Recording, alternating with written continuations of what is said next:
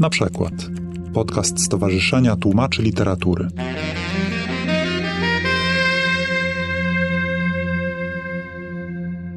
Dzień dobry Państwu, serdecznie witam na drugim spotkaniu z cyklu Przekład przed publikacją.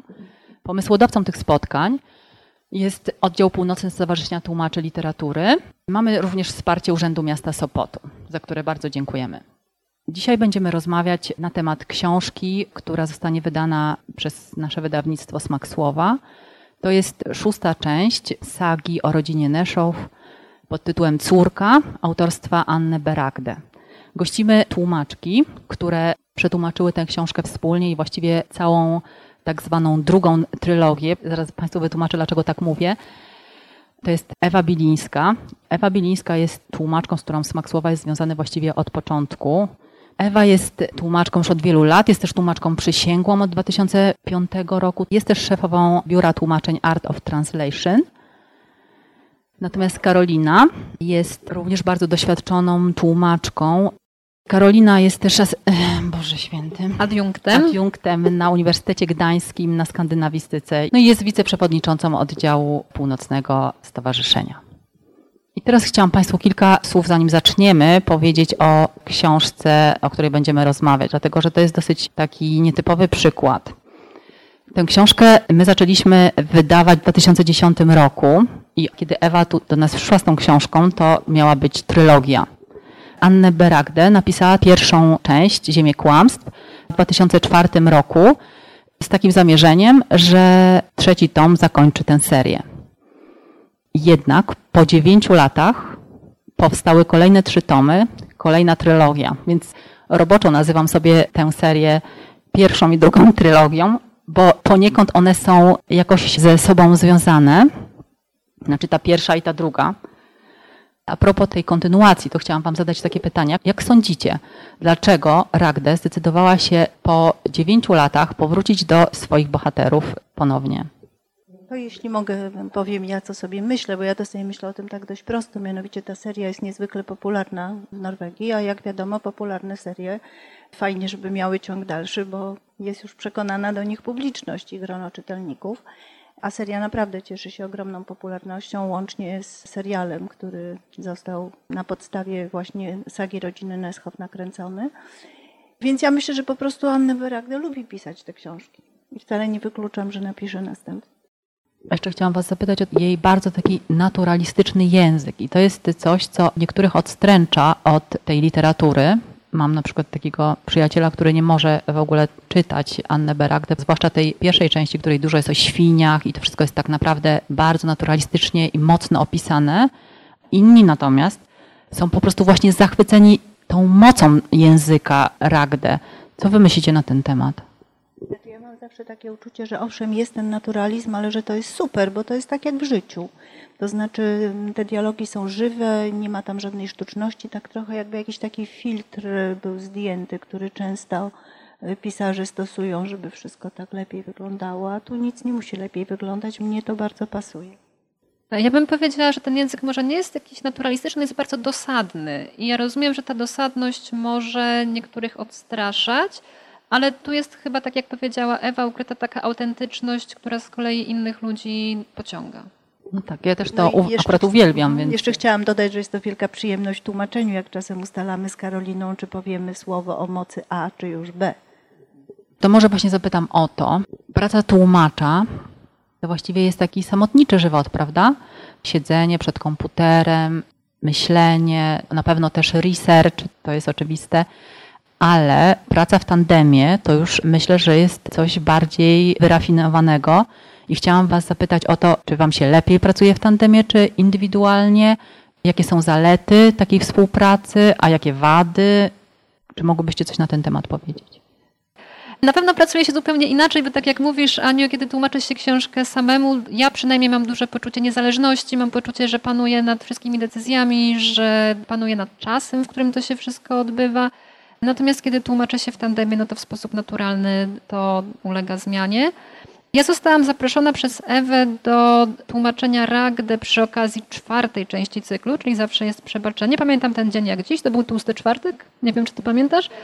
Przyjechałeś po mnie na uniwersytet autem i poprosiłeś mnie, żebym ci przyniosła dwa pączki z kremem waniliowym, bo ja piekę namiętnie i usmażyłam pączki dla całego instytutu. I dwa przyniosłam Ewie i jadłyśmy te pączki i Ewa mówi, słuchaj, bo jest taka sprawa, czy ty byś chciała ze mną przetłumaczyć nową Ragdę? I ja się strasznie ucieszyłam, bo wtedy jeszcze byłam stosunkowo początkującą tłumaczką i pomyślałam, że to będzie takie doświadczenie mentoringowe i de facto było. Bo ja w naszej wspólnej pracy, córka jest naszą czwartą wspólną książką, bardzo wiele się nauczyłam i bardzo urosłam jako tłumaczka, mam wrażenie, bo w tej samotności tłumackiej, jeśli tak to mogę nazwać, Dużą wadą jest to, że nie dostaje się na bieżąco feedbacku dotyczącego swojej pracy. I tak do końca się nie czuje, czy to, co robimy, jest dobre, czy niedobre. Potem wychodzą jakieś recenzje, ale dopiero kiedy książka się ukaże albo dyskutuje się z redaktorem. I ja uważam, że to, że my tłumaczymy razem, jesteśmy dwiema różnymi tłumaczkami z różnym backgroundem, nie będę tutaj wypominać wieku, Ewa, ale chodzi mi o to, że po prostu reprezentujemy różne pokolenia, więc używamy też innego języka. I tutaj zachodzi takie zjawisko synergii, czyli dwie wartości składają się na jakąś taką inną, większą wartość, która moim zdaniem jest wyższa niż suma tych indywidualnych wartości. To tyle ja. To teraz ja troszkę powiem ze swojego punktu widzenia. Nie wiem, czy pamiętasz, Karolino, robiłyśmy takie na początku naszej wspólnej pracy na siadówki, kiedy się wymieniałyśmy feedbackami i bardzo dużo fajnych rzeczy z tego wynikało. Ja przede wszystkim chcę powiedzieć, że mi się super z Karoliną pracuje. Nie wiem, czy jej tak super ze mną, bo ona jest osobą niezwykle systematyczną, a ja pracuję według zasady, że najważniejsza jest regularna praca, czyli dziś 5 stron, jutro 5 stron, pojutrze 60. Natomiast nie każdą książkę można tłumaczyć w tandemie, bo niektóre są takie bardziej osobiste i myślę, że ty już też takie masz, czyli takie, którymi człowiek po prostu z nikim by się nie podzielił, nie tylko dlatego, że chce chwałę dla siebie, ale też dlatego, że nie każdej książki treść i taka jej wewnętrzna, nie wiem, psychologia daje się w ogóle na dwie dusze podzielić. Jednak tą duszę my jakoś tam wkładamy. Natomiast książki, o których tutaj mówimy, no tak jak już zresztą Karolina wspomniała, one są podzielone na postacie i łatwiej nam to dzielić właśnie biorąc różne postacie. Poza tym od początku ustaliłyśmy sobie, będę się chwalić, to był mój autorski pomysł, że żeby zatrzeć ewentualne różnice, że robimy rozdział, rozdział, rozdział, rozdział. Czyli żeby tak nie było, że pół książki robił ktoś, a potem drugie pół ktoś inny, właśnie, ponieważ właśnie, e, wprawny, a ty wiesz o tym, że my tak robimy? Nie, nie wiem, właśnie chciałam zapytać, jak logistycznie to, to robicie. Bo wprawny czytelnik, wyczulony na język, mógłby jakby minimalną różnicę znaleźć w stylu, w doborze słów, no w różnych rzeczach. Więc ustaliłyśmy sobie, że będziemy to robiły w taki sposób, żeby to się zgrabnie rozmyło. Najczęściej jest to tak, że bierzemy rozdział za rozdziałem, ewentualnie maks dwa i następny, dzięki czemu mnie się wydaje i tak jak zbierałam tutaj informacje od bliskich mi ludzi, którzy czytali te książki, nikt tej różnicy nie odczuwa. Natomiast prócz sprytnego podziału, to mam wrażenie, że to też wynika z tego, co nawet się bardzo cieszę, że mamy tu okazję o tym publicznie powiedzieć, ale ja uważam, że my, mimo tej różnicy, bo my jesteśmy z dwóch różnych światów zupełnie. Ja jestem dinozaurem, jak już koleżanka uprzejmie wspomniała. Mieszkam w lesie i nie kontaktuję się ze światem. Koleżanka jest absolutnie z przeciwnego, jakby wiekowego tutaj wiekowej grupy i istnieje dużo w świecie i robi tam mnóstwo dobrych i mądrych rzeczy, ale właśnie dzięki temu to nasze spotkanie takie językowe naprawdę było bardzo fajne, bo były różne sytuacje, w których dyskutowałyśmy właśnie o wyborze odpowiedniego terminu słowa i nagle się okazywało, że w tym dawniejszym czasie to ja mam pomysły, których Karolina w ogóle nie zna, a ja z kolei dowiadywałam się od niej, jak dzisiaj młodzi ludzie mówią na coś tam. Więc jest mnóstwo, naprawdę mnóstwo zalet takiej pracy. Z mojego punktu widzenia jest ich więcej niż ewentualnych wad. Oczywiście, no, jeśli mówić w ogóle o wadach, to jest to taki może właśnie w pewnym sensie brak wolności, czyli że już musisz się z kimś liczyć, że w tej książce istnieje jeszcze jedna osoba. I czasem jak coś piszę, nawet w tej ostatniej było, że tak była okazja, żeby coś siarczyście napisać, a to jest zawsze fajnie dla tłumacza, to myślę sobie, no ale przecież Karolina też tu występuje i konsultujemy wtedy takie rzeczy no bo jednak potem w ogólnym jakby rozrachunku nie jest napisane kto. Rozgadałam się. Chciałam dodać jedną rzecz, że są takie dziedziny, w których jedna z nas jest lepsza, a druga gorsza. Na przykład Ewa jest świetna w ogrodnictwie i w zwierzętach, a zwierzęta są ważne, bo Torun ma psa, Ewa też ma psy i doskonale się zna na słownictwie, a ja jestem dobra w kulinariach. W bombie, ale bomby atomowej tu jest mało. Było, tak, tak, tak, Defcon, Defcon. I ja tłumaczę wierszyki. Nie no, to rzeczywiście fantastycznie to podzieliłyście, bo widziałam przekłady, gdzie tłumacze dzielili się pół na pół i to naprawdę nawet czasami bardzo dobry redaktor nie jest w stanie wyrównać takich różnic, a tutaj jednak te książki są bardzo żywe, mają dużo dialogów, właśnie to podzielenie postaciami jest fantastycznym pomysłem. To gratuluję serdecznie no i tego pomysłu. Zupa jest dobrze wymieszana od początku. Tak, tak, nie? tak, Taki tak. gładki sos. Dobrze, chciałam Was teraz zapytać o współpracę z redaktorką, ponieważ redaktorką całej serii właściwie od początku, prawda? Ewo, tylko Ania Mackiewicz pracowała z Tobą na początku, a później wszystkie tomy drugiej trylogii również ona redagowała. Jak Wam się układała współpraca z Anią? Czy uważacie, że właśnie ma sens, że ta sama redaktorka pracuje przy książkach, które no, w jakiś sposób są związane ze sobą, przy tej samej autorce na przykład i z tymi samymi tłumaczkami? Czy na przykład uważacie, że dobrze by było odświeżyć krew i żeby na przykład jeden z tomów był robiony przez kogoś innego? No nie wiem, jak Wy się na to zapatrujecie? Ania nas doskonale uzupełnia i mam wrażenie, że lepszej redaktorki książka by mieć nie mogła. No, być może niewielka jakby część tutaj przyczyny tego, że się tak świetnie pracuje jest to, że Ania zawsze mówi, że po nas jest wszystko takie świetne, że tam jest mało co do poprawy. To wiadomo, że jak tak nam powie, to już z nikim innym byśmy pracować nie chciały. Oddaję głos Karolinie.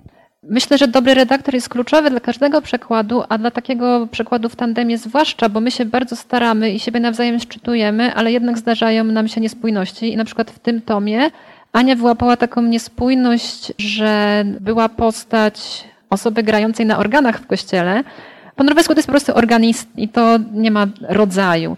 To jest jedna osoba. I ja to przetłumaczyłam jako organistka, a Ewa jako organista.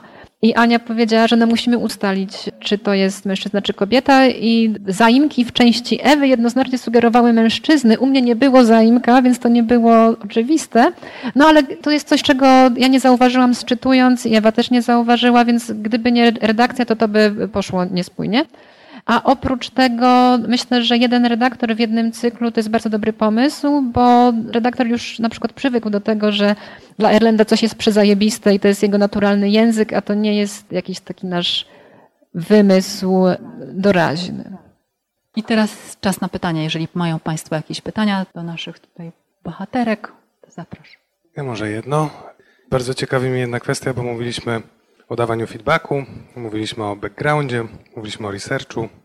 Czy dużo jest tej naleciałości globalnego angielskiego, że tak powiem, w literaturze norweskiej?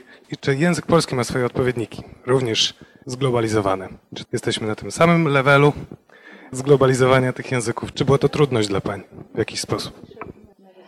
Ja może odpowiem i potem przekażę Ewie, bo może ty masz jakieś inne refleksje. Ja uważam, że norweski jest o wiele bardziej zaśmiecony anglicyzmami niż polski, głównie dlatego, że to są języki do siebie podobne bardziej niż polski i angielski. Norweski też jest językiem germańskim. Angielszczyzna jest w życiu Norwegów obecna w bardzo naturalny sposób, bo w norweskiej telewizji nie ma dubbingu ani lektora, są napisy, więc praktycznie każdy Norweg mówi bardzo biegle po angielsku i też wtrąca fragmenty angielskie do swoich wypowiedzi. Ja właśnie skończyłam czytać przedpremierową nową powieść Helgi Flatland, której jeszcze w Norwegii nie ma, dopiero będzie 2 października. I tam jest właśnie taki fragment, gdzie nastoletnia dziewczyna mówi po norwesku, ale stosuje kalki z angielskiego. I babcia ją cały czas poucza, tak się po norwesku nie mówi, tak się po norwesku nie mówi. U Ragde natomiast, zwłaszcza Erlend chyba celuje w tym, że on wtrąca wręcz frazy po angielsku. Erland jest trendy na przykład. Właściwie Karolina już wszystko powiedziała, że język jest zaśmiecony, jak to określiłaś, angielszczyzną. Ja mam taką refleksję, że większość chyba języków jest dzisiaj zaśmiecona angielszczyzną, a nawet jak niektórzy twierdzą, angielski przestał być językiem obcym, w tym sensie, że jego fragmenty są już częścią naszego codziennego życia i nie zawsze zresztą prawidłowo, ale są wykorzystywane. I tutaj ja na pewno nie świecę przykładem, ponieważ ja w życiu codziennym bardzo lubię te angielskie levele, trendy i feedbacki i tak dalej, bo one bardzo dużo ułatwiają. Dla mnie angielski jest takim zwięzłym językiem, więc na co dzień sobie tam spokojnie tego używamy. Oczywiście wiadomo, że przy przekładzie należy to dawkować i przy tym konkretnie przekładzie, właśnie tak jak wspomniała Karolina, u Erlenda jest to naturalne, ponieważ on używa takich określeń, less is more, i wtedy my tego nie tłumaczymy, zostawiamy to po angielsku. Natomiast na pewno należy tutaj być ostrożnym, bo można niepostrzeżenie dojść do fazy, że już niczego nie trzeba będzie tłumaczyć, bo wszystko będzie wielojęzyczne. Zaskoczona trochę, że powiedziałyście, że norweski jest zaśmiecony, ponieważ ostatnio z Asią rozmawiałam. To jest moja córka, która po pierwszym roku skandynawistyki jest i sobie kupiła właśnie Harry'ego Pottera po norwesku, bo już czyta właśnie po angielsku i po polsku oczywiście. I wiesz co powiedziała? Że jest w szoku, bo tam tłumaczone są nawet nazwiska, na przykład Dumbledore, no takie rzeczy, których w fantastycznym przekładzie polskim nie tłumaczyło się i to jest taka chyba nadpoprawność może akurat. To znaczy, taka dbałość, żeby y, zlikwidować tą tu mówimy chyba troszeczkę o dwóch różnych rzeczach, bo przekład Harry'ego Pottera norweski jest właśnie znany z tego, co opisałaś, że tam doszło do takiej ekstremalnej domestykacji wszystkiego. Ekstremalnej I właśnie. znorweszczone jest absolutnie wszystko. To się w Norwegii bardzo często dzieje przy tłumaczeniach literatury dziecięcej. Na przykład jeśli kupisz sobie w Norwegii komiks o kaczorze Donaldzie, to tam nikt z bohaterów się nie nazywa po angielsku, łącznie z kaczką Daisy, która nie ma na imię Daisy, ma na imię Dolly. I wszyscy bohaterowie mają swoje norweskie imiona. I to jest jedna sprawa. Druga sprawa to jest to, jak angielszczyzna wkracza do języka mówionego młodych ludzi, chyba zwłaszcza młodych ludzi. Więc jest duży rozdźwięk pomiędzy przekładem literackim dla młodzieży z języka angielskiego, który jest bardzo domestykowany, a tym, jak młodzi ludzie faktycznie po norwesku mówią. Zawsze jest też wybór konkretnego tłumacza, bo być może tu był wymóg ze względu na jednak przynależność do literatury dziecięcej Harry Pottera, ale być może, jak to się mówi, inny tłumacz zrobiłby to inaczej. I czasem warto, będąc tłumaczem, różne propozycje składać, bo można przeforsować coś fajnego. I niekoniecznie jest to może ta totalna domestykacja, o której mówiła Karolina. Ja mam po jednym pytaniu do każdej z tłumaczek. Karolina, w Twoim przekładzie był fragment o dialekcie, prawda? O kimś, kto mówi dialektem, ale w zasadzie nie powinien, ponieważ na poprzednim spotkaniu bardzo ciekawie mówiłeś o tej właśnie kwestii dialektów. Chciałem zapytać, jak to wygląda, bo tu wynika z tego fragmentu, że ten dialekt jest takim znakiem, nie wiem, czegoś gorszego, czy pochodzenia, nie wiem jak to nazwać. Jak to wygląda? Czy rzeczywiście ten dialekt pojawia się w samej książce? Czy to jest tylko wymysł tej osoby, która tak to przypisuje? To znaczy jest tak. Po pierwsze, Ewa tutaj się oburzyła i mówi, nie, w Norwegii nie. Musimy wziąć pod uwagę dwie rzeczy, że tutaj matka zarzuca Torun, że może jeszcze będziesz mówiła ich tam dialektem, bo Torun się wyprowadza z Oslo w okolice Trondheim, gdzie jest bardzo charakterystyczny dialekt. Moim zdaniem jeden z najtrudniejszych, najbardziej hardkorowych.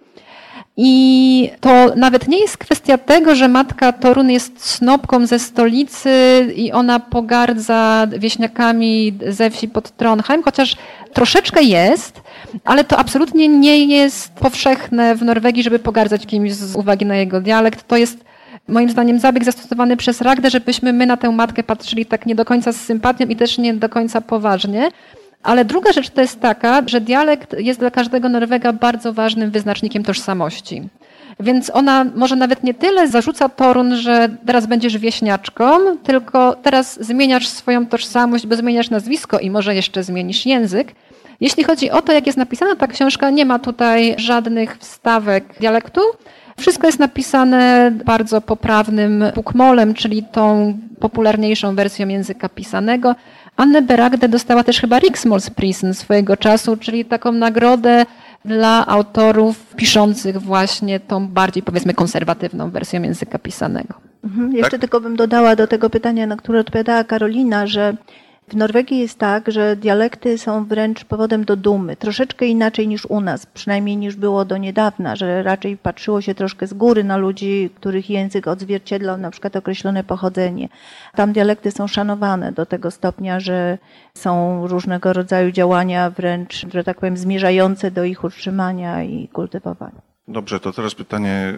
W zasadzie, skoro obie odpowiedziałyście na to pierwsze, to nie ma żadnych przeszkód, żebyście na drugie też odpowiedziały to, razem. To ten tandem. Ja się trochę zawiesiłem na tym pire ziemniaczanym, na składnikach.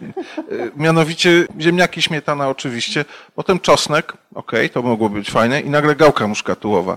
I pomyślałem sobie w tym momencie, na ile wy po tych latach tłumaczenia z norweskiego już się przyzwyczaiłyście do jakichś norweskich czy skandynawskich ogólnie smaków, czy też nawet kulturowo patrząc, kombinacji smakowych powiedzmy, jak ten nieszczęsny śledź z dżemem, prawda?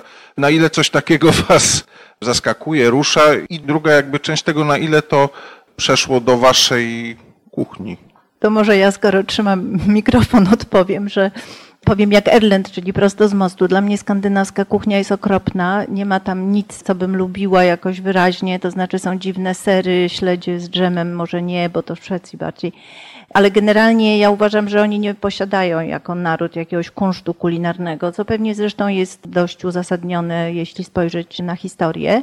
Ten fragment, o którym wspomniałeś i zawiesiłeś na pire ziemniaczanym, to nie znasz może, znaczy na pewno nie, bo książka dopiero wyjdzie, tej otoczki, mianowicie Mówimy tutaj o Krumme i Erlendzie, którzy są bogatą parą mieszkającą w Kopenhadze. Krumme zresztą jest Duńczykiem.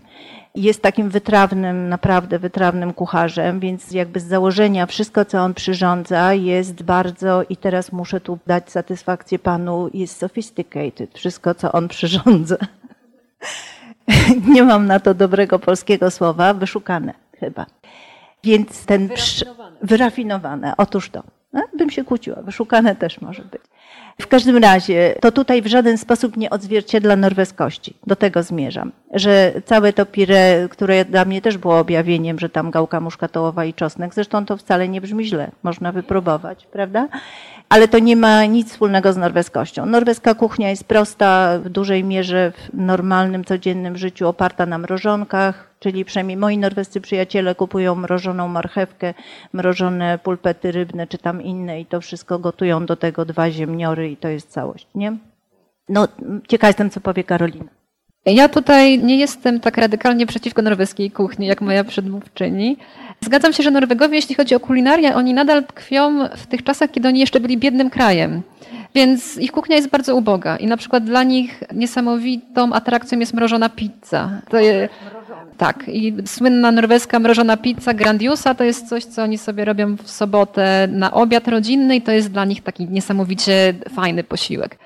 Natomiast co jest moim zdaniem dobrego? Ja bardzo lubię piec i uważam, że dodawanie do słodkich wypieków kardamonu, co jest takim zwyczajem skandynawskim, być może szczególnie norweskim, że to jest świetny pomysł. Zresztą moi towarzysze z oddziału północnego mieli okazji moich bułeczek z kardamonem próbować, więc sami mogą się wypowiedzieć. Bardzo lubię brązowy ser norweski. Wiem, że to jest kontrowersyjny produkt, ten słodki. Bardzo lubię jeść go z dżemem, bo ja mieszkałam na południowym zachodzie, gdzie ta kuchnia jest też specyficzna. Bardzo lubię naleśniki ze skwarkami i z dżemem, bo to się tam jadło.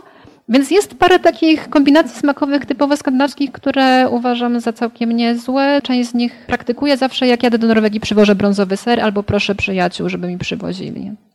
Chciałam na koniec poprosić tradycyjnie o przeczytanie fragmentu, dosłownie końcówki w języku norweskim. Ja nie wiem, którą z nas byś wolała. Ewa ma taki bardziej północny dialekt, ja mam taki bardziej... A może podzielcie sobie jeden, dwa akapity na pół i... Ja chciałam przywilejem dinozaura prosić, żeby przeczytała młodsza koleżanka, która częściej mówi po norwesku, bo ja tylko czasem mówię, głównie Dobrze. czytam.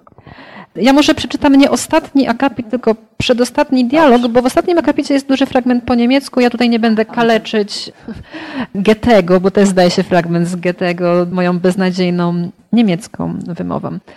Han hade sovit lit och drömt så fint. Nå duppet han av igjen. Hele kroppen var slapp som lukent vann. Han våknet da hannelåret var tilbake med et nytt brett, som hun satte på bordet ved siden av ham. Det luktet varmt smått men han var ikke sulten. Det er kjøttkaker i dag, sa hun, og de er fantastisk gode, ikke minst sausen. Jeg har selv smakt på alt, så nå får du kose deg. Hannelåret. Ja, ser du biografien om Goebbels oppe i bokhyllen min? Den forbannede svinepelsen, ja. Her er den. Slå opp bakerst. Hun la den på senga, midt i fordypningen etter Torns rumpe. Her var det mange prislapper, sa Hannelore. Er det du som har limt den inn? Det er bøker Torunn har kjøpt til meg. Kan du regne sammen summene? Jeg husker ikke hvordan man gjør det, og jeg har ikke noe skrivepapir. Bardzo dziękuję. Tak, dziękujemy bardzo. Dziękujemy.